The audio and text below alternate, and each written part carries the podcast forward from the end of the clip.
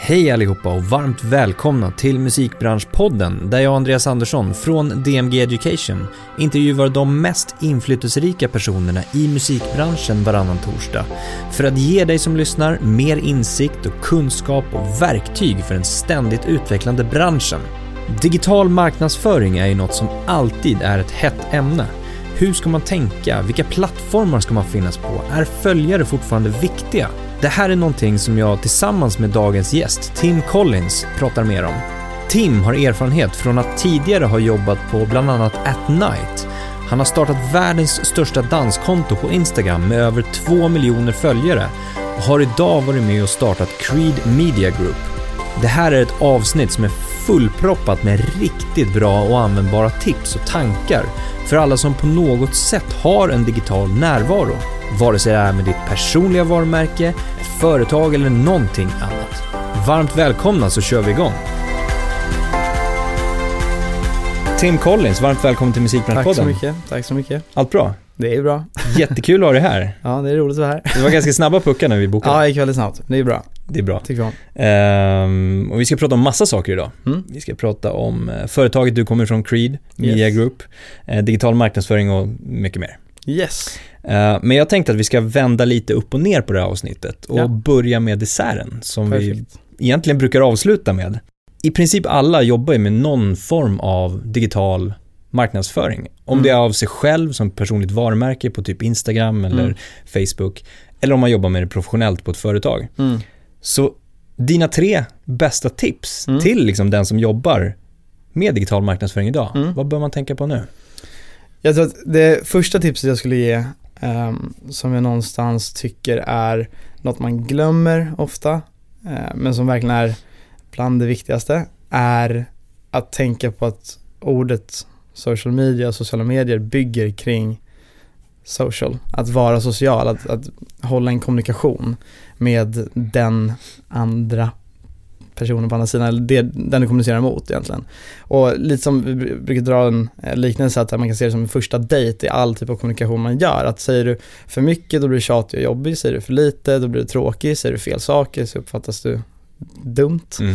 Eh, Men om du lyckas hitta den balansen så blir det jättebra och inte bara det i att hur mycket man kommunicerar eller den delen egentligen men också att se på att försöka skapa så mycket direkt eh, interaktion som möjligt. Mycket DM, sätta upp system som gör att du faktiskt eh, gör att personen ser dig och att du ser den. Det är super eh, valuable. Sen, ja, tips nummer två. Inte vara så romantisk till plattform. Bara för att man är bäst på Facebook eller har varit där länge så kanske man inte ska stanna där. Nu har de flesta liksom övergått till Instagram eller någon annan plattform. Ehm, men till exempel så är många just nu rädda för TikTok. De Mm. tycker att det känns som att det är en för ung plattform och den är cringe eller vad, vad man har för benämningar för det. Men ehm, den plattformen är otroligt intressant om man ser till vart den befinner sig i stadiet jämfört med vad Instagram var i början. Det är exakt samma tendenser, exakt samma typer av trender och hur, hur um, saker och ting sprids på ett Mm. annat sätt. Mm. Ehm, och just den grejen då att våga gå utanför vart man är van att vara någonstans i oavsett eh, vad det är man gör och att verkligen basera det kring det varumärket man försöker förstärka. Att eh, em, alla kanske inte passar i en Instagram-kampanj eller i att eh, bygga sin huvudkanal där utan vissa kanske istället borde positionera om sig helt och bara finnas på TikTok eller liknande för att det går att bygga en starkare relation till den målgrupp som man har där. Exakt. Och sen tips nummer tre skulle jag säga är att inte glömma bort vilket värde det är man ger till eh, de som följer en eller de man försöker nå ut till.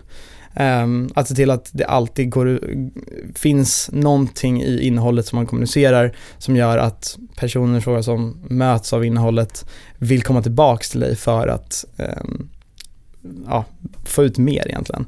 Ehm, och det är mycket som vi ser när vi pratar med våra kunder och vi gör till exempel tillväxtkampanjer där vi ska öka folks följare och liknande. Då är det väldigt mycket så att du kan driva hur mycket trafik du vill till ett konto egentligen genom shoutouts eller vad det är man nu gör. Ehm, men för att personen i fråga ska stanna kvar där så behöver också det aktiva kontinuerliga innehållet eh, ha- ett värde som gör att du faktiskt vill konsumera det. Mm. Just att vi är så otroligt att säga, eh, picky med vad vi väljer att följa idag. Det är mycket svårare idag att behålla den uppmärksamheten än vad det var tidigare och framförallt att få den tilliten tidigt. Ehm, så det är verkligen det, tänker på värdet som innehållet man kommunicerar har. Grymt. Ja. Fantastiskt, då uh, wrap it up den här, det här avsnittet. Nej jag skojar bara. Vi ska fortsätta. Men jättebra tips. Mm. Ehm, det är måndag idag. Det är måndag. Eh, hur startar du en vecka? Oh, det är väldigt olika. Um, beror på hur aktiv jag varit i helgen um, med jobb eller nöje. Men vanligtvis så brukar jag förbereda mig på söndagar inför veckan som kommer, skriva upp prioriteringar, um, vad man behöver göra och så.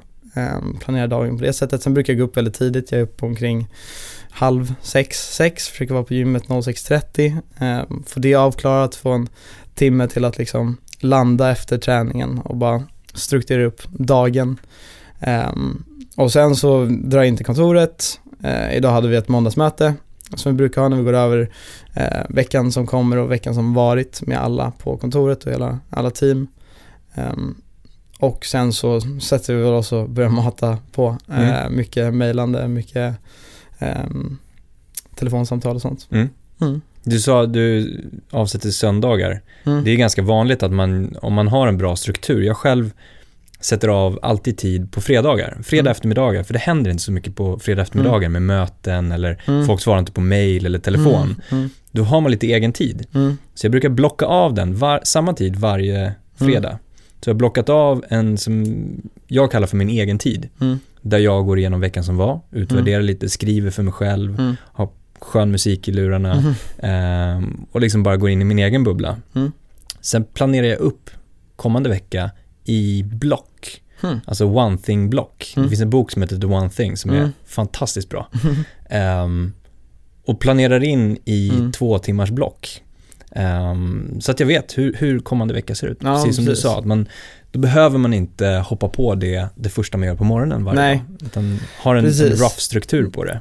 Vi, den tycker jag också är egentligen den mest optimala verkligen. Eh, jag brukade göra det förut också, att så här, jag hade olika typer av prioriteringar och så här, eh, ja, det finns en kille som heter Ryan Serhant som är en um, så här fastighetsmogul i, i eh, USA och han har också en bra struktur för så här, hur han brukar lägga upp det med att ja, första delen av dagen så går han igenom ehm, allt proaktivt och sen så gör han allt som är reaktivt och sen så gör han sånt som bygger honom själv och liknande. Precis. Eh, och vet, jag försökte få in det där och, och strukturera in det men eh, just nu på det senaste så har det varit eh, inte alls bra med det. Då är det bara all in, Ja, kaos. det har varit för mycket kaos så det är bara så här, försöka ta allt som brinner eh, Ja. och lösa det så mycket det går liksom. Ja.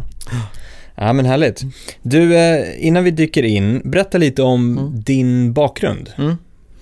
Ehm, från början så ville jag bli gitarrist.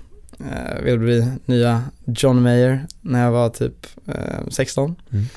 Jag spelade gitarr sedan jag var sex år. Mina föräldrar är balettdansare. Hela min familj är så här kreativt eh, ja, bakgrund egentligen. Jag var den enda som inte kunde dansa. Eh, så jag struntade i det. Eh, och så gick jag en musikutbildning på Rytmus. Så jag studerade gitarr. Då var tanken att fortsätta göra det. Sen så övergick det till att jag ramlade in på eh, produktion och liksom låtskrivande. Tyckte det var kul att driva event och göra sådana saker. Så det blev sakta men säkert att man gick ifrån hela framförandet av musiken och mer hanterandet runt det. Um, och eh, sen så började jag intressera mig för management omkring att jag var 19 efter att jag och min bror hade varit med manager tidigare som vi inte tyckte gjorde ett bra jobb och då eh, så kände jag att ja, men då vill jag hellre vara min brors manager eh, och göra det själv för jag har så mycket kontrollbehov så jag kände bara men det, är- Mm. det är mycket bättre att jag bara styr upp det eh, för mig själv. Så kan jag inte bli irriterad på någon annan. Då bär jag själv ansvaret lite. Ehm, och därefter så blev det att jag hamnade på eh, ett bolag som heter At Night ehm, Management som var Avicii, Axel Ingrossos, uh, Autonos och massa olika EDM-akters management över tid.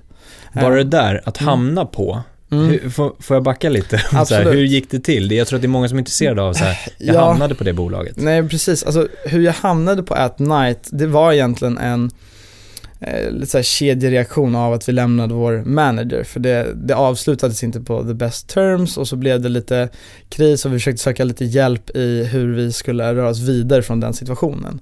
Då var det en familjevän som kände någon som kände någon som kände Ash, eh, som är min gamla chef, hans um, assistent, um, så fick ett möte med henne, uh, vi träffade Ash och gänget där, så blev det egentligen att jag fick en praktikplats i en månad. Mm. Um, så var det så här, okej okay, men nu är jag en månad på mig att lära mig, de hade släppt in mig, jag var så här skitnervös hela tiden och tyckte att fortfarande nu när jag ser tillbaka på perioden så känns den månaden som att det var ett år. Uh, alltså det, det är så konstigt men jag kommer verkligen ihåg den månaden starkare än alla eh, de åren som mm, jag var där. Mm. Men sen så var det egentligen att under den månaden så försökte jag på, ta på mig så mycket ansvar jag bara kunde. Jag fick förlängd praktik i sex månader. Och eh, då var min enda strategi, okay, bara, hur kan jag göra mig så oumbärlig som möjligt? Ingen ska kunna sparka mig eller bli av med mig. De, jag ska vara den sista personen om vi ska lämna skeppet. Mm. Um, och sen så blev det väl att man lyckades um, med det på något vänster. Och så fick jag stanna kvar och så, då gick jag egentligen in att jag höll i sociala medierna där, för jag var yngst på kontoret och de såg väl mig som så här bryggan till ungdomen eller någonting. Och då fick jag ta på mig massa ansvar inom, inom de delarna. Så då var jag där tre år, eh, körde på. Sen eh, var det väl förra året som organisationen hade ändrat mycket riktning. Det var musik från början, sen övergick det till allt ifrån event till eh, tech till massa olika grejer. Och så kände jag väl efter en period att ja, men jag tyckte att det ändå var musik jag vill hålla på med. Jag är manager själv för en kille som heter Koda. Um, och att jag vill liksom bygga vidare på det och inte heller så här, kosta någon annan pengar på något annat som jag gör. Um, och samtidigt som jag gjorde det här så hade jag byggt ett stort sociala mediekonto med en vän i USA. Kontot heter Goals of Dancing och är världens största danssida. Uh, så inte dans som i EDM utan dans som i dansare, liksom, mm, som dansar till musik. Och då när det började ta fart så kände jag väl lite, ja men det här kan jag bygga vidare på, jag kan bygga mitt eget och kanske konsulta lite eller någonting, äga min egen vardag. Så då slutade jag och skulle jag foka på det. Sen så råkade det ramla in på att um, Ash tog kontakt med mig för att Joel Kinnaman ville um, få hjälp med uh, liksom, att spela in en video förra året uh, inför valet. Mm.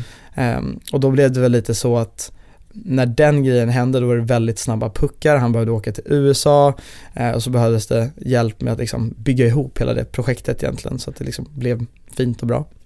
Um, och då blev det att jag tog in en vän som heter Hugo som jag hade känt sedan länge um, och en annan vän som heter Elliot som båda var duktiga marknadsförare och liksom kan sociala medier och digital kommunikation. Och då så satt vi liksom sömnlösa i tre nätter och bara satte ihop allting.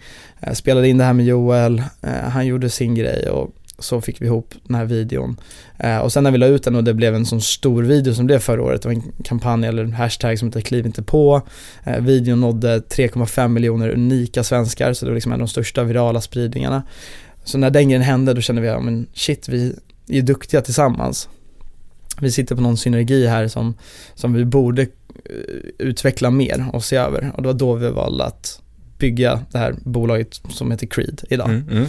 Härligt, som vi kommer in på lite mer sen. Ja, precis. Så det är min fulla bakgrund. Grymt, ja, men det blev en tidslinje ja, då, som fyllt med massa grejer. Ja. Och du är ju fortfarande inte supergammal. Nej, 24. Precis, så det, den här tidslinjen som du precis målade upp är ju fem år. Ja, precis. Alltså från, ja, det, från det att du kom mycket. in på, som praktikant. Ja, nej precis. Så nej, fem år, eller precis, 2015 var det, fyra år ja. till och med. Eh, precis, det skulle vara mitt fyraårsjubileum eh, i år, sen jag började på ett night. Okay. Så det har gått, eh, sjukt eh, snabbt. Men, men har det varit så att du inte har nöjt dig och du vill, du vill någonting mer? Och liksom gå vidare, gå vidare till nästa grej, nästa grej? Ja, alltså jag har väl någon form av galen bild av världsherravälde inom digital marknadsföring. Eller så här, ja. jag tycker att det är kul att sätta höga mål och jag trivs i att se att saker som jag tar fram tar fart och växer sig till någonting som gör avtryck. Jag tror att det är väl det alla vill göra eller hoppas på att göra, vill göra något form av avtryck som lämnar efter sig själv någon dag. Mm. Um, och, och sen den grejen också det att um, jag har haft många förebilder omkring mig som varit väldigt drivna och som har väl gjort att man har satt sina mål på lite samma nivå som de nådde upp till. Och Vilka är, har det för förebilderna ja, varit? Ja, men Ash har absolut varit en av dem. En annan heter Assia um, som är en, en, gammal mentor för mig som jobbade på Spotify förut, driver VC-bolag nu. Um, och sen liksom andra som man inspireras av. Nu nyligen Bill Gates tycker jag är skitcool, sen Mm. såg dokumentären på Netflix. Ehm, och, och lite sånt. Ehm, men, men framförallt är att jag tycker det är kul att ehm, se hur långt man kan ta någonting på e-, egen vilja. Och sen också för att jag när jag var yngre hade väldigt många som eh, under en viss period eh, verkligen tryckte på att jag inte skulle klara av någonting. Att det var helt omöjligt för mig som ung att eh, göra mig hörd eller att folk skulle ta mig seriöst. Att du skulle vara för ung. Ja, för ung för att ta seriöst Okej. och kunna Mm. göra någonting överhuvudtaget. Och, ja, man har hört massa ord som du skulle bli bränd i branschen och Mm. du kommer bli, här, typ sånt så att man försökte gå sin egen väg och sådär. Och, eh, då är det lite som att man jobbar mycket också för att någonstans, inte motbevisa dem, men för att eh, någonstans för sig själv kunna Det bevisa. sporrar på något sätt. Ja, det sporrar som fan. Det är Mm. skitkul. Mm. Det finns inget bättre än att göra folk irriterade och avundsjuka på att man jobbar hårt. Ja. ja, men grymt. Och om du får, plockar du med dig någonting från de här ja, fyra åren då? Ehm, In i, i nu ja, och bygga bolag liksom? Verkligen, det har jag verkligen gjort. Eh, vikten av att bygga ett starkt team, en bra kultur. Eh, hur ett bolag byggs mycket snabbare om du har folk som jobbar mot samma mål och att folk trivs och mår bra. Vi har som ett exempel, vi har inga liksom, fasta tider på kontoret, du får komma in när du vill. Vi har satt som regel att om, eh, så här, vi vill ju helst att folk, eh, har vi ett möte så vill vi helst att folk är där till mötet. Men vi har också sagt att om du är sen av anledning att du har typ tränat och mediterat på morgonen, då är det fine att du är sen till det. För det är hellre att du är i ditt optimala tillstånd när du kommer in och kan leverera så bra som du själv känner att du kan göra om du är på topp. Mm. Än att du kommer in bara för att vi har satt en tid liksom. Mm. Också det att du inte behöver jobba från kontoret, vi vill att alla ska liksom kunna göra sig bekväma där de känner att de presterar. Ehm, så den grejen har varit viktig. Också att tänka på kalkylerade risker i alla beslut man tar, att faktiskt veta konsekvenserna som kan komma av någonting. Um, ha en förståelse för vad saker och ting kostar, vad saker och ting är värt. Ehm, inte lägga alla ägg i en och samma korg. Um, också en anledning varför vi inte bara kör marknadsföringsbolaget, men vi har ett skivbolag, vi har ett podcastbolag och eh, management också liksom. Där vi har bra personer som driver respektive del. Ehm, och våga släppa kontroll tror jag har varit en, en stor grej. Att Mm. så här, lita på att de man tar in eh, gör ett bra jobb. Eh, det är därför de är där. Ehm, och eh, med det sagt då, ehm, det är verkligen så här, jobba hårt men jobba smart. Och jag vet att många som jag känner som hör mig säga jobba smart nu inte håller med om att jag gör det ibland. Jag jobbar alldeles för mycket ofta. Men att försöka hitta den balansen och förstå att det är ett maraton, det är inte ett 60 meters lopp Mm. och att det är inte värt att bränna ut sig liksom. Mm. Ehm, Så det är väl de grejerna, Mm. typ. Helt rätt. Ja, men bra insikter. Det där är ju värt att plocka med sig. Ja, Ehm, hoppas jag. innan vi kommer in på marknadsföring sådär, du har ju föreläst lite grann. Mm. Eh, och jag antar inom digital marknadsföring då? Ja, precis. Vad, vad har du pratat om rent konkret där? Ja, rent konkret, det har varit mycket bygga varumärke och det är nästan alltid så när man pratar om digital marknadsföring att det är så lätt att nörda ner sig men att det ändå är viktigt att bygga det kring liksom, pelarna som någon som gör så att någonting funkar överhuvudtaget. Alltså grunden är det viktigaste. Alla detaljer kring så här, hur det påverkar algoritmer och så, här, så det, det är sekundärt om du har det första på plats för det kommer hända av sig självt. Vikten av bra innehåll, vikten av ehm, eh, att förstå vad du ska kommunicera av dig själv, vad som är viktigt för dig själv att kommunicera, vart du vill någonstans, vad är målet med vad du håller på med. Um, brukar prata om de fyra sena Ehm, som är ehm, content, eh, creative, consistency och community. Att de fyra delarna någonstans här är det som bygger ihop vad, att någonting funkar. När alla de delarna klaffar så blir det typ en viral kampanj eller liknande. Och då är det alltifrån då i content att innehållet är bra rent eh, eh uttrycksmässigt, eh, kommunikationsmässigt, att det fyller sin funktion som det ska fylla. Creative, att någonstans approachen både innehållet är kreativt och att du har en approach som gör att du står ut och även i distributionen av det att det är kreativt att du kan placera dig på ställen som gör att du faktiskt syns och inte gör som alla andra. Community är det att kunna påverka kultur, någonstans bygga en diskussion omkring det. Något som Ash lärde mig eh, var verkligen, eh, eller en, en fras som han som har satt sig är eh, det du gör ska folk kunna prata om. Eh, gör man det, då är det mycket bättre förutsättningar för någonting att spridas. Mm. Och eh, det kan vara sista nu då. Eh, consistency, att aktivt kommunicera och, och bygga en plan som faktiskt eh, funkar Mm. eh, i längden. Kontinuerligt. Ja, precis. Jag tänker vi kommer in på det också när det gäller just sociala medier, kontinuitet och sånt där. När man föreläser också sådär så handlar det om att förmedla också. Mm. Alltså att, att kommunicera ut till publiken. Hur, hur tänker du där när du förbereder dig för att presentera för en publik? Ja, jag, eh, jag brukar sätta upp någon keynote av något slag. Eh, mycket för att göra det tydligt, eh, rent hur allt binds ihop. Jag har en tendens att försvinna iväg mycket för att jag är väldigt, tycker det är kul att prata om saker som jag kan och tycker är roligt själv.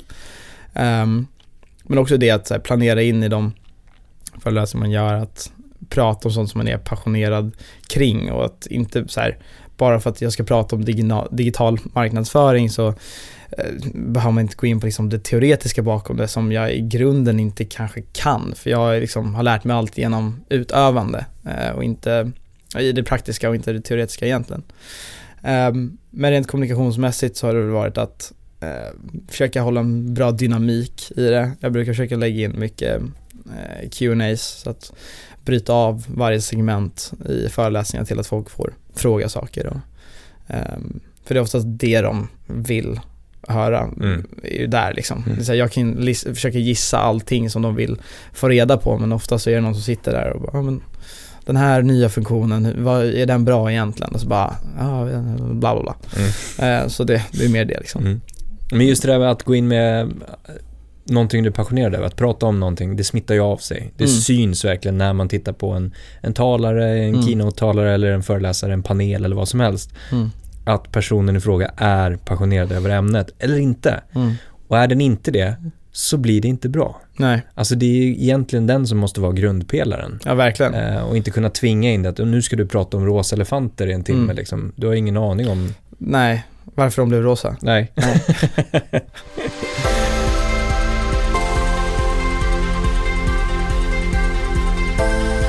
Om vi börjar med dig själv, Mm. så har du ett Instagramkonto med många följare, Mm. 10 000 ungefär. Ja, precis. 10 000, ja, 300 eller någonting. Ja, men något sånt där. Eh, hur bör man tänka här? Eller hur har du tänkt här menar jag? Ja, alltså mitt har ju kommit lite gratis av andra grejer som jag har gjort om, omkring det. Jag, jag har faktiskt inte aktivt byggt mig själv så mycket och är väldigt dålig på att kontinuerligt eh, kommunicera. Men det är också för att jag inte är intresserad av att bygga mitt, jag har inte varit så intresserad av att bygga mitt personliga varumärke så mycket på den plattformen utan det var mer ett så här effektivt sätt att hålla koll på kultur Mm. egentligen. Jag använder min Instagram mer som ett researchverktyg än något annat generellt sett så är det ju verkligen att eh, är man en person idag och vill liksom bygga sitt varumärke så, då är det ju verkligen att tänka på men, hur, som jag sa tidigare, hur ger man så mycket värde som är unikt för, från mig Mm. som möjligt till andra. Det finns olika också såklart mm, format som är, är bättre än andra för Instagram som sprids bättre. Det skulle jag göra och bygga liksom mig själv då hade jag väl absolut sett till att i alla fall var, varannan eller var tredje, eh, var, var tredje inlägg var en video. Jag hade aktivt lagt in så att det finns så här, eh, captions och subtitles så att det är enkelt att följa med även om du inte har ljud. Um, kanske lagt in någon så här ljuddesign-grej med att typ Alexa och alla de här grejerna håller på att växa mycket i USA och i framtiden så kommer man förknippa ännu mer med ljud. Och om man kollar på podcast till exempel, någonting som um, sätter ens digital, eller uh, audiosignatur egentligen. Um, så att om det sprids så är det lätt att hålla koll på, ja men just det, det är därifrån. Mm. Ehm, sen hade jag väl sett till att lägga upp minst någonting varje dag. Jag hade sett till att vara aktiv i kommentarsfälten. Jag hade sett till att DM av varenda ny följare som jag hade fått. Bygga en nära relation till varenda person.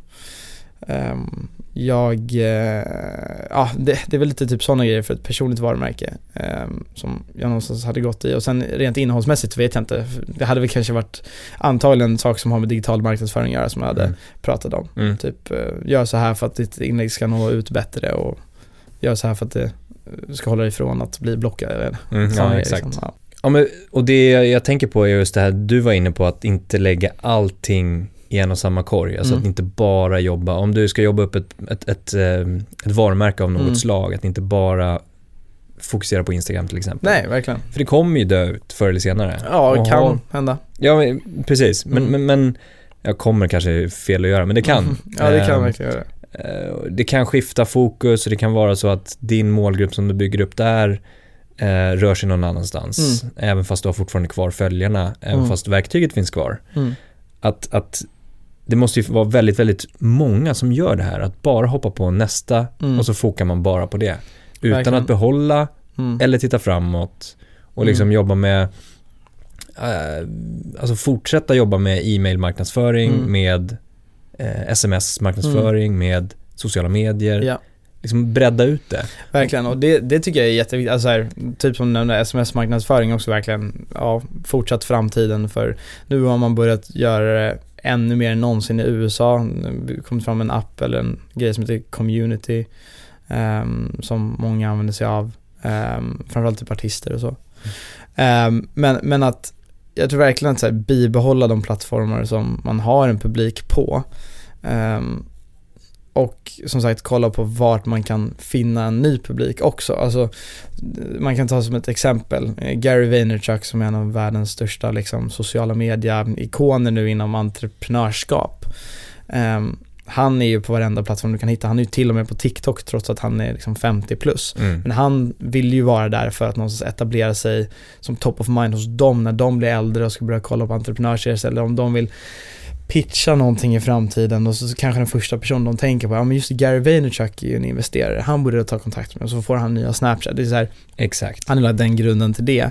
Eh, sen skulle jag säga att, eh, alltså till exempel jag själv idag hade bara skapat en Facebook-sida av den simpla anledningen att det är lite också som en så här hemsida som finns här kontaktinformation på. Men jag hade nog inte byggt en aktiv strategi personligen för, för Facebook bara för att plattformen i sig är så eh, bedrövlig för organisk räckvidd. Mm. Eh, just för att så här, det du vill göra med de här plattformarna beroende på vad du är ute efter. Men om, om du vill bygga eh, en kanal som ska nå ut till många människor på, då vill du kunna vara på platser som någonstans eh, tillåter den organiska räckvidden att vara så stor som möjligt så att du kan växa dig så stor som möjligt. Och då är verkligen så Instagram och TikTok de bästa och de enklaste platserna just nu att växa på. Mm. Ehm, Snapchat tror jag verkligen fortfarande också är superintressant. Det är jättestarka fans som hänger kvar där. De som använder appen är superlojala till appen och eh, konverterar bra om man vill driva trafik.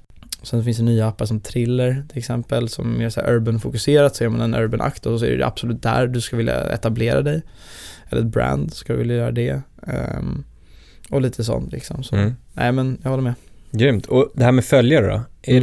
det fortfarande någonting, jag kommer ihåg när sociala medier egentligen Mm. kom, det var så här, alla jagade följare. Ja, alltså ja, jag skulle säga att det är fortfarande relevant. Um, för många så handlar det om att en gång i tiden så nådde du ju faktiskt alla dina följare. Mm. Så då kunde du ju till och med köpa följare och typ nästan tjäna på det. Um, även fast majoriteten av de köpta följarna som man hade då var liksom fake. Men idag är det mycket svårare, du når ju inte alls lika många, det är typ 30% av alla som följer dig som får dina inlägg om ens det. Och där kommer också ett, inte ett problem med så här folk som köper följare nu för att boosta ego eller eh, varumärket är att så som Instagrams algoritm funkar eller så som vi uppfattar att det funkar så är det så att när du lägger ut ett inlägg så når du en viss procent av dina följare som sen sprids vidare till ytterligare en procent baserat på hur många av den första delen som interagerade med det. Och där blir då ett problem att om du börjar liksom saturata dina följare och liksom spä ut dem eh, med sådana konton som inte kan interagera med dig, då kommer du döda möjligheten för den här algoritmen att ta fart så att du faktiskt når ut till alla som följer dig och utanför dig själv. Um, så där blir det så jäkla relevant nu och varför många vill ha nya följare och varför man någonstans fortfarande är viktigt att söka det är för att få nya färska fräscha följare som vill hjälpa dig att trigga en algoritm så att du sprids utåt. Exakt. Ehm, så, så på det sättet tycker jag verkligen att det är relevant. TikTok är det jätterelevant på, där får man liksom notiser Ehm, och de vill ju någonstans ta liksom market share och, och vill, vill verkligen vara den nya go-to-plattformen för millennials och Gen Z. Så det gör ju att eh, de är mer aggressiva med att ditt innehåll ska gå viralt. Så de pushar dig väldigt mycket mer aktivt. Så det kan vara så här, jag tror att jag har en vän som la upp en video igår, det var hans första video och den fick så här 40 000 visningar på första videon. Man bara, hur hände det? Du hade 128 följare. Men det är ju för att TikTok säger att det här är ett nytt konto och vi vill se till att du befinner dig på plattformen och stannar kvar här. Så därför kommer vi ge dig ett incitament med att stanna kvar genom att ge dig räckvidd. Mhm. Och att det är lite så här, det är därför det börjar bli intressant där. Och då gör Instagram ibland lite samma sak. Så, här, så det, nu börjar folk tävla lite med, med varandra på det sättet. Men följare är viktigt av några anledningar. Det ena är att nå ut med ehm, ja, information till folk som nyss har hittat dig och som är intressanta och som hjälper dig att sprida ditt innehåll. Ehm, två också för att det Instagram någonstans är idag, framförallt för varumärken, är att det är ett skyltfönster.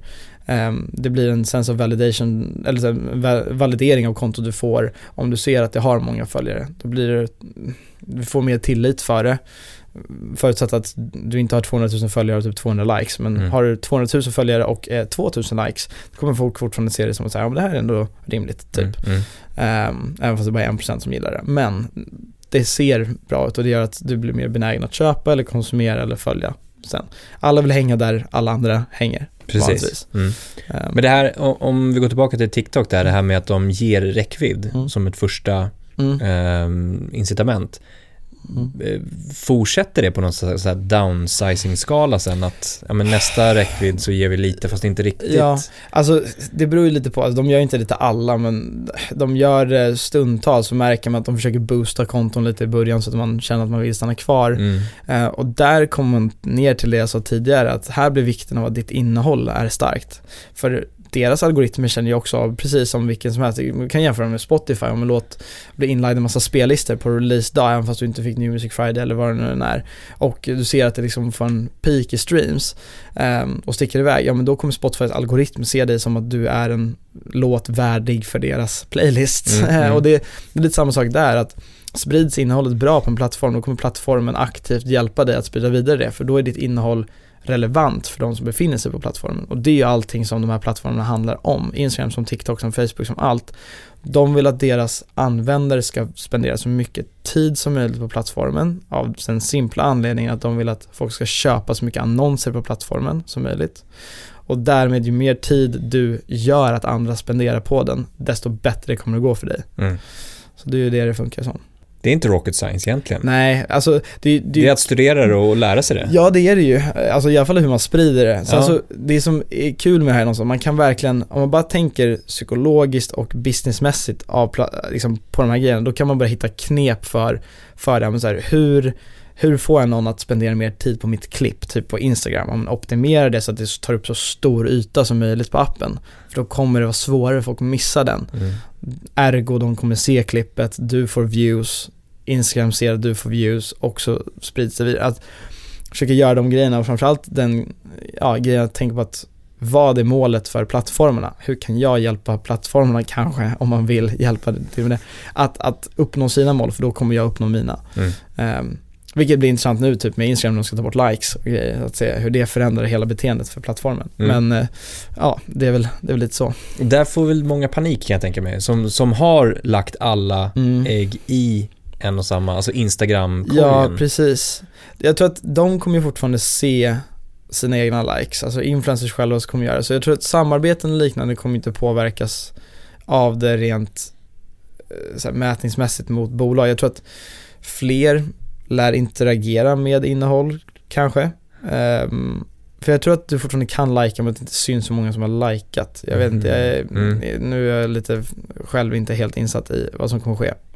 Men ehm, att eh, interaktionen ska gå att tracka i alla fall fortfarande. Så att så här, rent businessmässigt för dem så tror jag inte att de kommer tappa så mycket affärer på det och liknande, de som har gjort det. Men eh, det blir intressant att se hur många som går ifrån plattformen för att fortsätta söka den bekräftelsen. Exakt. Ehm, så det är det jag är lite intresserad av att se vad som ska ske.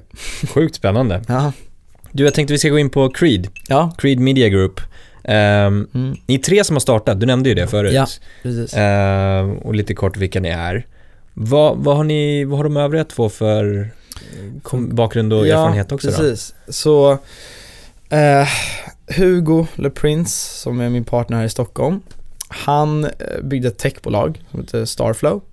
Ehm, som började som en plattform för att liksom, samla fans av kändisar och artister och liknande på en och samma plattform. Till att det utvecklades och grenades ut till att han eh, startade en talangdel, en talent management-del inom bolaget där han var den första att signa de största Musical.ly-profilerna innan TikTok då hette TikTok. Eh, I Sverige till ett och samma hus, så han tog i princip monopol på liksom eh, ja, Musical.ly-marknaden i Sverige. Så vill man ha med dem att göra, då behövde man gå till honom. Och det är också så här, kul fakta om oss, att våran historia och hur vi kom i kontakt med varandra är för att min idé var att göra det från början. Vi hade en gala som hette Big Buzz Awards som vi gjorde, som en, så här, um, en oberoende eh, sociala medier-gala som inte var kopplad till MCN. Vi skulle hylla de kreatörer som vi ansåg, ansåg var mest kreativa och så skulle folket demokratiskt få rösta om det. Och då hade vi lagt in Musical.ly som kategori, Delvis för att det var en väldigt intressant plattform och för att kreatörerna där var väldigt duktiga. Men de vi nominerade blev jag också väldigt intresserad av från ett managementperspektiv. Jag såg att ni har en otrolig potential rent kreativt, men räckviddsmässigt också i tillväxtmässigt så fanns det väldigt mycket att hämta där. Så idén var att efter galan så ska jag ju prata med de här och hjälpa dem och tjäna pengar, ergo hjälpa oss att göra mer business. Eh, men då efter galan så försökte jag ta kontakt med alla och så eh, fick jag ingen mer kontakt. Jag bara, vad, vad fan är det som händer? Så gick jag ner Strandvägen 1, vi hade vårt kontor ovanför. Jag gick ner och skulle ta en kaffe med en polare, så ser jag hur Hugo sitter där. Hugo som inte hade någon aning om vem han var. Och så satt han med alla de här talangerna, de här kreatörerna från Musical.ly. Och så skrev de på det här managementavtalet med honom. Nej. Så han satt bokstavligen under mitt skrivbord. och stal min idé. och då blev vi liksom riksnemesis eh, egentligen. Ja. Men eh, hans bakgrund att han startade det bolaget, gjorde en jätteresa med eh, Starflow Talent som var det här influencer managementbolaget. Han lämnade Starflow eh, förra året för att han också ville göra egna saker. Eh, och det var ju då vi hittade till varandra på liksom, bolagsnivå. Elliot Robinson kommer från att ha byggt ett av världens största basket-communities. Så han driver en sida som heter Dunk. Så en massa sidor kopplat till det. Eh, och när han var 18 så flyttade han till New York för att jobba med just Gary Vaynerchuk som jag nämnde tidigare. Och var hans liksom, högre hand inom sociala medier och la liksom, strategin för Gary hur han skulle växa sitt varumärke digitalt och hjälpte honom gå från 600 000 följare till 6, eller 4 miljoner följare då innan han lämnade. Um, och eh, ses väl lite som också en sociala media-guru eh, inom den kretsen. Och eh, ja, det är väl deras bakgrund och, och, idag så jobbar jag och Hugo närmast med varandra i, i Stockholm och Elliot eh, i New York och eh, sprider varumärket där borta och eh, hjälper till med allt möjligt över telefon. Grymt. Ja. Men eh, strukturen, ni har startat tre bolag. Ja, eller hur? precis. Om jag fattar det rätt yes. i, i, lite grävandet. Mm. Finns det någon baktanke med att ha startat tre mm. företag istället för att ha ett och samma företag med tre verksamheter?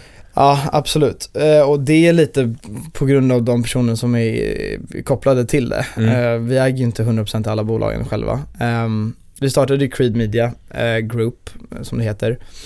Um, för att det var det vi kunde sälja i början, det var vår egen tid. Det som var skalbart där, eller det var inte skalbart men det vi kunde erbjuda var oss själva i princip. Um, och det var där vi kände för att vi fick massa, hade massa investerare som hade kände till att vi startade det här och som tyckte att det var intressant, det som vi gjorde. De visste att vi satt på de kanalerna vi gjorde och erbjöd oss massa pengar för att gå, liksom, hjälpa oss att sätta fart direkt. Um, då tackade vi nej till alla investeringar vi hade. Um, jag tror i runda slängar så tackade vi nej till um, typ 6 miljoner kronor eller någonting. För att vi verkligen kände att ja, vi tror att det är bättre att bygga det här Eh, bygga egen bank, leva på ingenting ehm, och sen återinvestera det till att ta in bra personer och liksom utveckla så. Ehm, så det var det det började som egentligen, att vi, vi körde liksom uh, ja, leva på ingenting. Mm. Eh, drack Huel, jag vet inte om du vet, det är så här måltidsersättning som kostar ja, 12 spänn glaset. Riktigt äckligt, körde på det i sex månader typ. Eh, satt i hotellobbys och eh, hasslade som fan för att eh, keep the cost down så vi inte behövde ta ut några pengar. Um, och sen så blev det att det till slut gick bra, kunde ta in folk. Um, vi hade varit väldigt intresserade i podcastvärlden och hela den, den biten länge. Eh, men inte riktigt haft en, ett läge att gå in i det för vi hade för mycket att göra i det andra. Då är en väldigt nära vän till mig som alltid varit väldigt intresserad av podcast och eh, som har som egen grundvision att eh, eh bygga världens största podcastproduktionsbolag. Um, och jag vet att han är en av de mest passionerade personerna jag känner och den, en av de mest hårt arbetande också. Um, och då så fanns det ett tillfälle där vi då hade en deal på bordet som uh, inkluderade att skapa podcasts som då egentligen skulle finansiera det här bolaget om det är så att vi tog oss an den. Men då innebar det också att vi hade kompetensen inom podcast och det hade ju inte jag. Jag visste businessen i det men jag visste inte liksom utförandet av det. Och då så gick vi ihop med Hjalmar Wilén som driver det bolaget. Um, tog in honom som VD um, ehm, och så startade vi upp Creedcast AB då, som är ett av bolagen um, för att fokusera på podcastverksamhet. Och nu jobbar vi med Spotify, Podme, Bauer Media och liksom gör produktioner åt dem. men där Hjalmar är den, som, liksom den drivande faktorn i det bolaget. Uh, och sen nu nyligen då så startade vi upp uh, skivbolaget uh, Arcane, uh, vad är det, Arcane Records, ja. Um, för att uh, kunna släppa egna artister. Vi managerar en kille som heter Koda, um, som jag hjälpt i fem år uh, på writing-sidan och artistdelen. Nu när vi har utvecklat hans projekt så pass länge så känner vi att det här är så pass bra att vi tror att vi kan göra det själva och vi känner oss trygga i vår kompetens och då kör vi ut det där och så blir det ett sätt för oss att uh, kunna ja, experimentera med det vi tycker är kul och spännande som man kanske inte alltid ens kunder vågar göra. Så då känner jag att då kan vi göra det själva först och bygga det därifrån. Um, och det är väl eh, allt det och sen så är det kopplat till ett holdingbolag som vi har, mm. som heter Creed Holding. Så allt går ju under samma liksom paraply. Uh, men det är bara det att vi känner att det är bra med olika um, drivkrafter inom olika bolag. Att, att de som är mest passionerade får, får driva det de är mest passionerade i. Um, och så hjälper vi till med den kompetensen vi har omkring det. Så det är lite, lite det. Härligt. Vad, ni har ju dragit igång extremt mycket under kort tid. Mm. Alltså det, hur länge har ni funnits? Strax 11 månader. ett år? Uh, under ett år Under ett år, ja. ja. Ett år, 26 oktober. Ni har liksom fått kunder, ni har fått business, ni har fått anställda. Mm. Om vi börjar med kunderna, hur, mm. hur går det tillväga liksom för att få kunder när man är ett sånt nystartat bolag? Mm, alltså, vi hade väl någonstans fördelen i att vi har byggt upp de sidor som vi har byggt upp. Mm. Um, vi hade track record som var bra. Om man ser det så här, ja, jag hade jobbat med liksom At Night och där var det artister som Avicii, Axel Ingrosso och så här, hela den grejen. Så då blir det lite så här, trovärdighet kommer där. Eh, Elliot har sina sidor, jag hade min danssida. Det fanns trovärdighet att vi vet hur sociala medier funkar. Vi är typ en av de enda byråerna i världen som faktiskt sitter på ett nätverk av 150 miljoner följare på konton som vi själva kontrollerar och skapat. Eh, och där fanns det en väldigt bra liksom, utgångspunkt i hur vi kunde bygga upp vår pitch och våra liksom, strategier. Och sen hade vi ju inga case i, i form av liksom rent marknadsföringsmässigt mot musikbranschen förutom att så här, ja jag har dansvideos och där är det musik bakom dem och så hade vi gjort lite grann där så jag kommer att det började tidigt med att typ en av de första projekten jag gjorde var en, en vän till mig som heter Sara, går under artistnamnet Shy Martin. Um, att vi hjälpte henne med hennes första releaser för att någonstans uh, ja, kände att det fanns mycket att kunna bygga på där. Um, och då när vi hade genomfört en Musical.ly-kampanj som gick bra och sen en YouTube-video som vi spelade in eh, som musikvideo och som vi la upp på Ghost of Dancings då, YouTube. Um, så spreds den bra och då, då så här, fanns ett grundcase som var bra som man kunde pitcha in till någon, några mindre så här, eh, developing acts typ hos labels. Och då fick man testa på dem och sen så bara växte det och sen så blev det mycket word of mouth. Folk fick höra att vi hade startat det här. De presenterade oss över telefon för andra personer och sen så har det bara blivit att det spridits in till många rum som är roliga. Nu är ju liksom majoriteten av de vi kommunicerar aktivt med, liksom skivbolagen i USA och Storbritannien. Jag kommer ihåg att det fortfarande sjukaste jag varit med om och det som verkligen så här, fick en att känna att så här, okej jävlar nu sitter vi på någonting. Det var, jag hade haft, jag hade bokat in ett möte med Virgin UK um, ehm, där jag förväntade mig ett möte med två personer. Så kommer jag in så sitter det 22 personer inne i det rummet och det här var min tredje fysiska pitch av vårt bolag. Um, men där varenda person efteråt bad om min mail. Och då var jag verkligen så här: okej, okay, yes, vi vet någonting. Vad var du pitchade då? då? Som, Då, då var det ju att jag pitchade liksom oss och vår kompetens och våra paket och vad det är man kan göra. Det var ju mycket att gå igenom deras akter tillsammans med våra metoder för hur Mm. du når ut. Ehm, och då så var det väl en så här 30 minuter av att presentera det, gå igenom liksom såklart priserna och allting. Och sen få dem att berätta för mig i rummet. Bara, okej, jag bara ställde så här, pekade på folk bara, okej, vad jobbar du på just nu? De bara, jag jobbar på det här. Bara, "Ja, okej, vad är det för typ av musik? Det är typ så här, de spelar upp något sånt på telefonen. Jag bara, okej bra, jag hade gjort så här, så här, så här, så här. Här har en gratis strategi, antingen utför du det eller så ger du det till oss så gör vi det. Mm. Och så bara har det varit mycket så. Så att Creed har ju någonstans blivit vi jobbar ju väldigt snabbt. Vi har ju en lead time generellt sett på typ fyra dagar. Så vi får höra så här, om vi behöver hjälp med den här om fyra dagar. Typ. Och om man kollar på traditionella byråer så behöver de oftast tre, fyra veckor. Jag vet att vi kollade runt lite då. Ett bolag sa till och med så här, vi behöver fyra månader för att kunna göra en sån här, sån här grej till det här priset och nå så här många. Och vi bara okej, oh my god. och det var någon slags kampanj då eller? Ja, vi pitchade, alltså det var lite fult, vi, vi frågade liksom en, det är ju inte riktigt samma bransch, men en, en mer traditionell byrå, bara så här, men gav dem exakt samma pitch som vi hade fått från en kund bara för att se vad reaktionen hade varit. Bara, vi behöver nå så här många människor, hur mycket hade det kostat och hur lång lead time behöver eller kan vi köra här nästa vecka? De bara, men vi behöver fyra månader och den budgeten som de gav oss var typ fem gånger mer än vad vi behöver för att utföra det.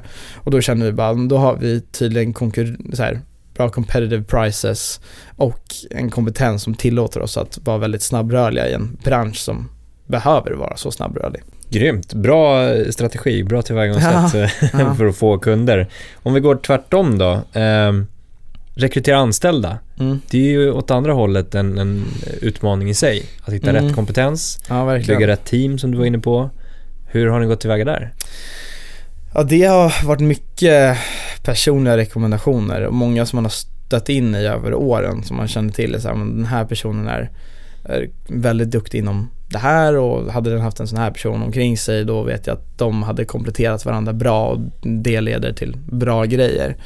Um, mycket Instagram, eh, det är kul. Eh, när vi byggde, vi jobbade ju med Joel Kinnaman då, som sagt eh, ett tag um, tidigare i år och förra året. Och då är det så här, vi hade två veckor på oss att sätta ihop ett produktionsteam på fem man som skulle följa med honom varje dag i LA. Vi satt i Sverige och hade inga egentligen kontakter där. Då började vi göra lite reachouts, gjorde mycket så här Instagram stories typ, bara la upp på våra egna personliga. Fick massa rekommendationer. Jag tror att eh, vi hade samlat in 200 namn på duktiga kreatörer som vi bara visste befann sig i USA, typ i New York eller typ i Kalifornien. Så började vi bara reach ut till alla, få alla att skicka in grejer, hade telefonintervjuer och sen bara kände vi att okej men bra, då, de här känns bra, då åkte jag ner till LA och så träffade jag dem och sen så bara råkade det vara så att det första teamet vi satte ihop var helt magiskt, de mest hårt arbetande, kreativa personer jag någonsin träffat. Eh, så blev det jättebra. Så jag tror vi har haft så här ganska tur med att vi har fått rätt personer på plats. Ehm, det vi framförallt har märkt är att det har ingenting med meriterna att göra. Alltså inget i form av erfarenhet av vad du har gjort spelar roll i vad du kan göra. Att det är så jäkla mycket mer ett mindset game och det, det är verkligen det vi har fokuserat på. Att vi hittar hellre någon som är redo att lära sig allt, är passionerad och verkligen vill lära sig allting. Jag tror det är en huvudsak i vårt bolag att allt grundar sig i att det måste byggas ur passion. Om det gör det, då, då kommer det funka på något sätt. Um, och att personen någonstans kan hantera sig själv socialt så, så, så brukar det mesta gå hand i hand liksom. Så, det har varit mycket det att känna att personen har rätt mindset, eh, vill samma sak som vi och är redo att bara jobba loss. Här hemma i Sverige då, vi, när ni startade, eller bara nu i somras så har ni liksom blivit omskrivna lite grann i Breakit Mm. till exempel och sånt där, fått två artiklar Mm. bara under sommaren. Mm. Eh, hur kan man, har du något tips att ge där till den som verkligen vill liksom få sån slags media, Mm. uppmärksamhet? Alltså jag skulle verkligen säga att vi har varit dåliga i att kommunicera om oss själva. På, alltså så här, vi är jättetacksamma för de artiklarna. Det är skitkul verkligen att folk har skrivit om oss. Men vi borde ha gjort mer PR. Ehm, och, och det ska vi försöka göra nu. Men jag tror det vi gjorde där och då, då var det verkligen så här, okej men folk måste veta att vi existerar i alla fall. Så vi gör jätteroliga grejer. Det här vill vi folk höra om tyckte vi. Mm. Eh, och då så skrev vi ihop en pressrelease. Vi fick hjälp av en PR-konsult att bara ta fram pressreleasen. Alltså, ja, då får man ju betala pengar, då får man ju vara beredd att investera dem. Eh, för oss kostade det väl typ 12 000 tror jag för att få fram pressreleasen och liksom en ordentlig beskrivning av vad det var. För där och då, då var vi liksom i teorin för många grejer bara. Då fanns inte den här bolagiseringen. Vi pratade om oss själva som att vi var åtta bolag och inte tre. Det var helt knäppt liksom. Vi alltid tyckt att branding är kul men där gick vi loss uh, för mycket.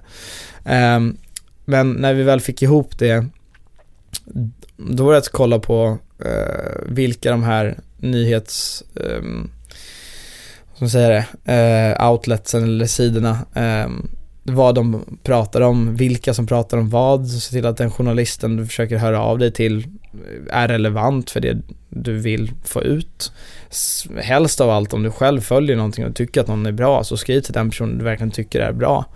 Um, och gör det enkelt för dem att uh, lyfta er, eller dig. Att um, man skriver liksom uh, titeln på pressreleasen i um, ämnesraden, skriver en personlig personligt mail till personen du försöker nå, eh, lägger in bilderna så att de ligger som bifogade filer, eh, kopierar in hela pressreleasen i texten och lägger in det som pdf.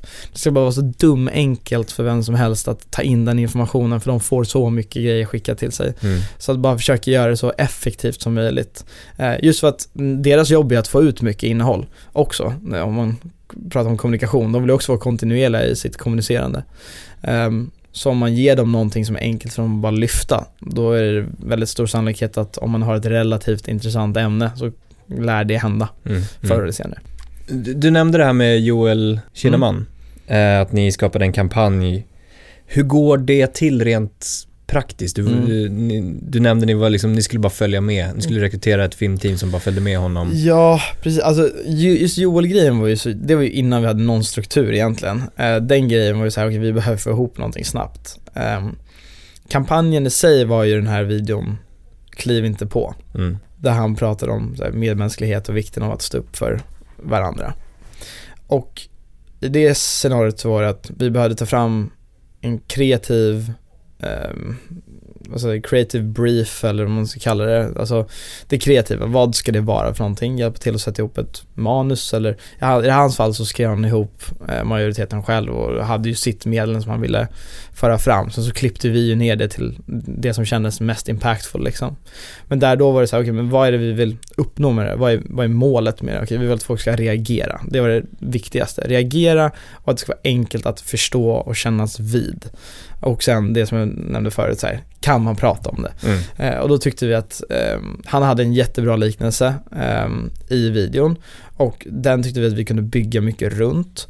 Ehm, och då blev det att vi kände att om vi bygger ihop det här tillsammans med innehåll som förstärker det, typ jämförelser med vad som hänt i USA sen Trump fick makten och så här, när extremism liksom blir normaliserat, ja men då upplevs det så här och den delen tyckte vi eh, förstärkte videon väldigt mycket. Eh, men så i det fallet så var det det kreativa, sätta ihop det, eh, distributionen, eller säga, produktionen, hitta rätt personer. Där då var det med så här, vem i Stockholm har tid imorgon? det var ju det vi behövde hitta och den som var bäst fick mm. jobbet liksom. Um, och sen dag tre var det så okej okay, då ska vi nå ut med det här digitalt och sen också traditionellt sett liksom. Skicka ut ett PR-skick till alla som är viktiga. Att, och som vi tror är relevanta för det. Ehm, så det gick det bra. När vi gör en kampanj som är typ musikkampanj, då brukar det vara lite annorlunda. Då är det oftast att vi får en låt av en kund som säger den här låten är en prioritet för oss ehm, de, ibland har de en idé för vart de vill att det ska synas, ibland så ger de den bara öppet till oss att så här, ja men vad kan vi göra med, med den här låten? Då är en av låtarna som vi jobbade, en låt som heter YG, eh, eller ja, artisten YG med en låt som heter Go Loco, som var en TikTok-kampanj som vi gjorde.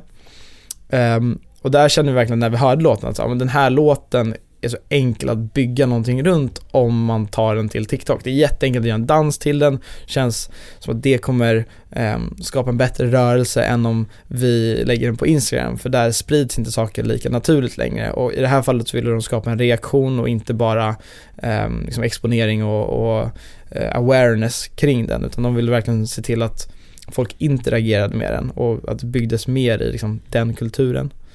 Eh, och då tog vi, i det fallet så var valet att inte göra en sketch eller sånt där utan då gjorde vi en dans, eh, uh, jättesimpel eh, dans som vem som helst skulle kunna haka på. Och då var det jag och en polare eh, och kollega som hittade på en jättedålig dans, tyckte vi. Um, och så här, vi stod där och bara framför spegeln på toaletten och bara så här, är det här bra? Eller ja, det är säkert bra. Uh, och sen så visade vi den för några eh, liksom, eh, från plattformen och de bara, ja men det här tror vi verkligen kan funka.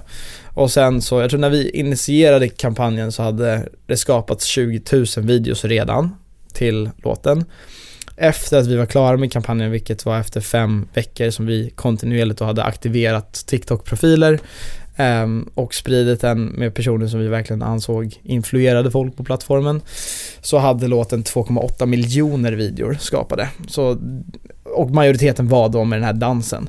Uh, och där, såg det, där ser man så, så här, hur det blir när du har rätt creative, rätt distribution och när det connectar med communityt mm. på ett bra sätt. Mm. Så det är väl en så här så det kan se ut ja. ofta. Ett praktexempel på hur det ska se ut. Hur det gärna får se ut. Ja, ja, precis. Mm. Och du nämnde i början att du inte dansade. Nej, jag så avslutar du med det här. precis. Ja, men eh, hade man sett mig när jag kom på den, då hade man inte trott att, nej, eh, då hade man förstått vad jag menar med att jag inte kan dansa. men du, om vi går in på lite så här äh, musikbranschrelaterat då. Mm. Framöver, mm. vi gillar att prata framtid här. Mm. Eh, vad tror du blir viktigt för artister, företag, skivbolag, musikförlag mm. att tänka på när man liksom bygger ett varumärke i digitala medier, sociala medier till exempel. Mm. Du var ju inne på ja, tipsen såklart. Men, jag, jag, tror, man... jag, tror, ännu mer bara det här med att bygga äkta relationer. Alltså mm. här, vi är så trötta på det här ytliga nu. Och det märker man i vart folk lägger sitt fokus på. Alltså här, mer än någonsin så skapas det ju så här konton som pratar om hur ohälsosamt det är med typ Instagram, vilket blir så här värsta paradoxen och lite så inception mode liksom, när Instagram själv pratar illa om sig själv. Mm. Um, och, och, lite den jag tror att det är mycket att se till att det värdet man kommunicerar inte föder så här clickbait-kultur eller så här föder så direkt uh, awareness och attention utan någonting som bygger ett långsiktigt värde som får folk att känna sig som bättre personer av att de någonstans konsumerar det du, det du lägger ut. Att verkligen föra fram innehåll som är relevant och som du känner att du vill stå för länge, mm. eh, tror jag. Ha mer långsiktigt fokus, för det är, det är, så lätt att bara tänka här och nu, men att verkligen tänka, men tio år. Vad är det jag, vart vill jag någonstans? Vad, vad är det jag vill få ut? Och det är ju mycket framförallt om man kollar på eh, kommunikationen eh, kring sig själv och kring artistprojekt och releaser att vill du kunna leva på ditt varumärke hela ditt liv, då, då är det viktigt att ha med sig det i, i baktanken hela tiden och att se till att prata om dig själv aktivt på ett sätt som får folk att förstå att du är ute för att göra den här resan för alltid. Mm. Så att förr eller senare kommer de bara behöva vänjas vid dig för du ska stanna för alltid. Och lite så att våga ta den positionen också. Mm. Utan att säga det direkt för då blir det lökigt. Mm. Och apropå fram då, som du, mm. tio år framåt, våga ha den målsättningen. Vad, hur kommer vi konsumera media då? Om fem år? Jag tror jättemycket på audio fortfarande. Mm. Alltså jag tror podcastgrejen är ju guld. Um, det är ju liksom en av de mest in, alltså intima sätten du kan bygga relation till um, vad som helst egentligen när du sitter i och, och vill lyssna på långa samtal. Alltså, eh, det är ju det jag själv gillar i podcast, att man känns som man är liksom flugan på väggen som mm. sitter med några vänner som hänger liksom. Eh, men jag tror jättemycket på podcast att det kommer att öka. Det är så demokratiskt också. Det styrs inte av någon enskild plattform eh, som gör att vem som helst kan bygga upp sina egna regler lite kring sig själv. Ehm, och just nu är det så otroligt oexploaterad mark också. Jag tror det finns totalt så här, 300 000 podcasts i världen. Mm. Vilket också bara är så här, helt absurt. Ja, det låter jättelite. Ja, det är jättelite. Om man tänker på att det finns liksom två miljarder användare på Facebook. Ja.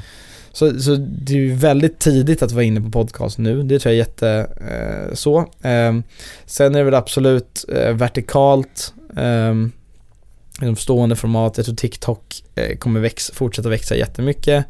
Eh, jag tror det kommer vara fortsatt, eh, ja, vi kommer vilja ha, konsumera snabbare eh, samtidigt som den andra halvan där kommer vilja konsumera mycket längre och långsammare. Jag tror att det Mm. kommer bli en generationsgrej där man kommer märka att vissa rör sig helt åt andra och de yngre rör sig helt åt det som de brukar röra sig, vilket är att det ska gå ännu snabbare hela tiden. Liksom. Mm, mm, ja.